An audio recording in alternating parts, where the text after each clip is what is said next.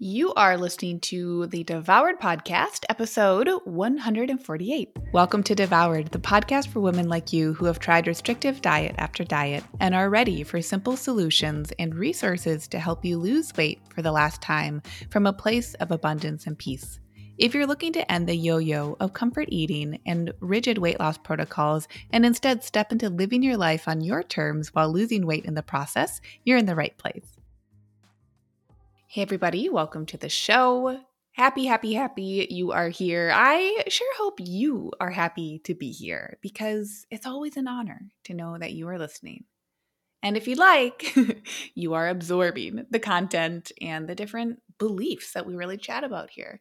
You know, as I was setting up my microphone to hop on here and talk about what we'll be talking about today, it really struck me how how at the end of the day, what we're talking about is belief change. And I just hopped off. I, of course, have my own coach, and I'm in a, well, okay, I have two coaches right now, but we coach on different things, and both of them are group programs. So for the one coach, on Mondays, which is when I'm recording this, we have our group calls. And I really would actually love to have both my coaches on the show at some point. So hopefully we'll make that happen in the next couple of months because they're both just incredibly powerful women. And it's been such an honor to be coached by and in community with both of them. So for the one coach where our calls are on mondays together i really had the opportunity because we we practice in different ways on these group calls uh, with coaching specifically, I really have the beautiful opportunity to be in a community with people who are all across the world and have different viewpoints. And pretty much everyone on the calls that I've been on so far are all women. So, looking at the similarities and also the differences, but the similarities that so much of the work that we do in coaching boils down to. And so, what those similarities are, are often, and of course, we're all unique and individual, right? That's part of what I value with coaching is that we all have our own lived experiences, our own stories that we bring with us to the present moment, our own nervous systems. Like, we're just so pleasantly and gloriously unique.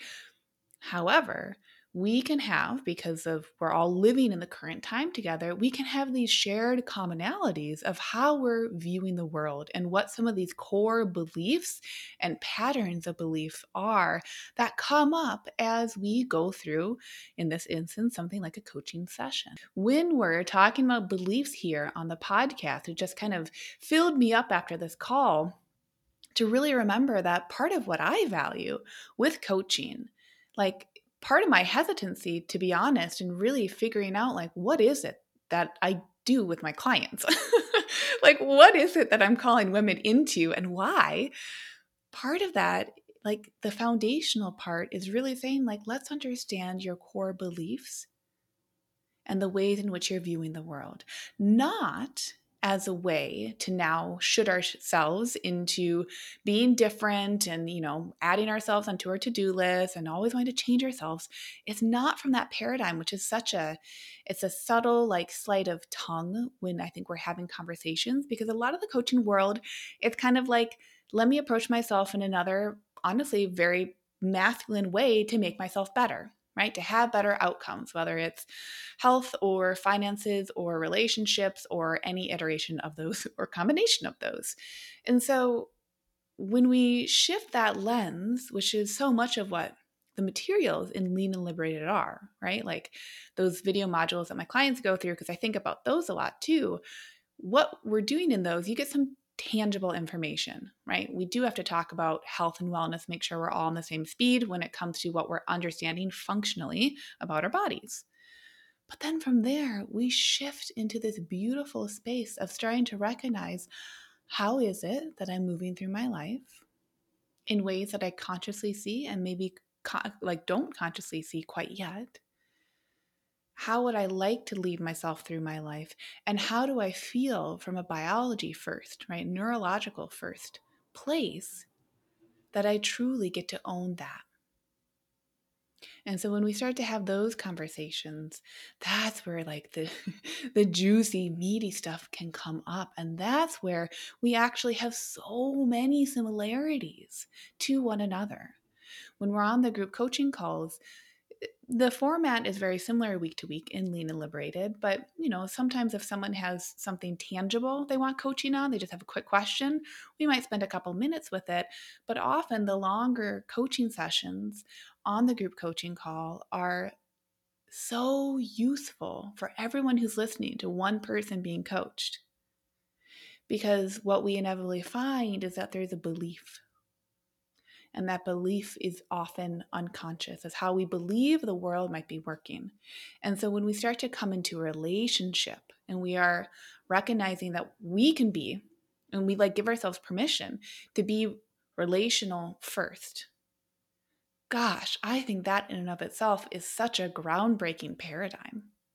Anyway, so it's a Monday and I'm feeling jazzed, being like, yeah, this is a language that I think if we co create, which is what you do as you listen to this podcast every week.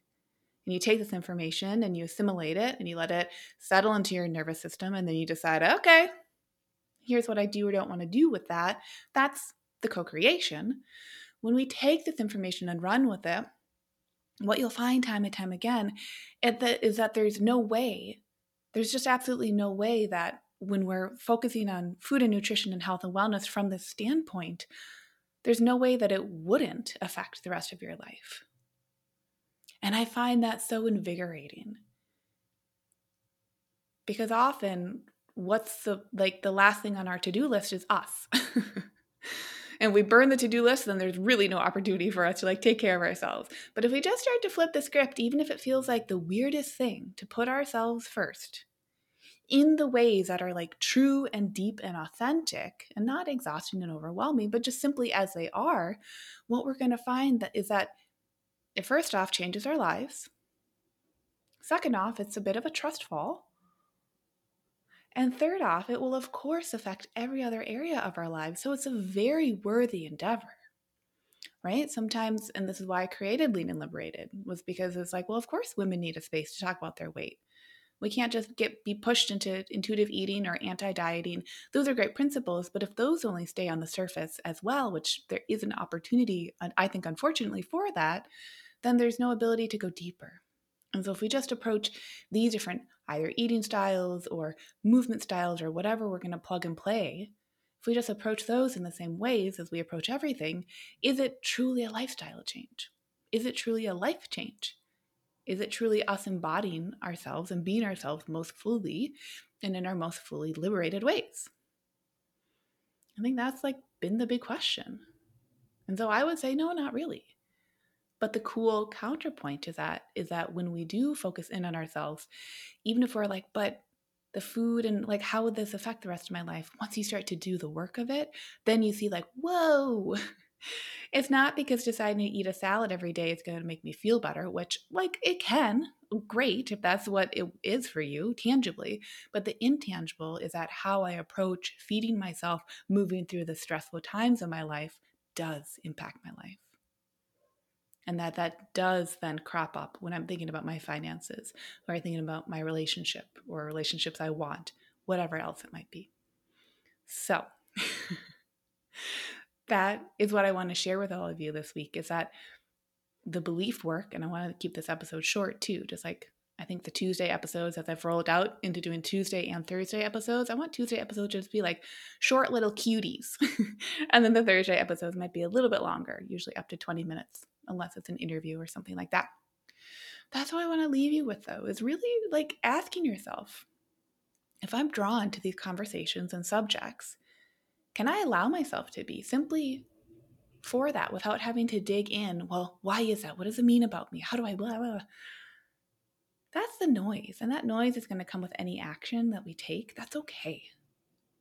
That's really okay. What if our only job is to simply follow our calling, even if the calling doesn't make sense initially? What if that's okay? What if the most counterintuitive thing is actually the thing that we might need the most? So I just want you to sit with that feeling for a couple of days. Like get real cozy with it. It's like a sweater or a cozy blanket. Just allowing it to be to be near you, to be with you. If you want to try it on a little bit, you can always take it off. That's the thing with a cozy blanket, right? We put it on when we need it, and we are warm or we're like fully cozy and rested, we take it off. Doesn't mean anything about that blanket, whether it's on us or off us. It just gets to be, just like we do too. So take that, run with it, and I'll catch you all in the next episode. Did you know you can find more support from me on my website? Go to Lucia Hawley, L U C I A H A W L E Y dot com to connect.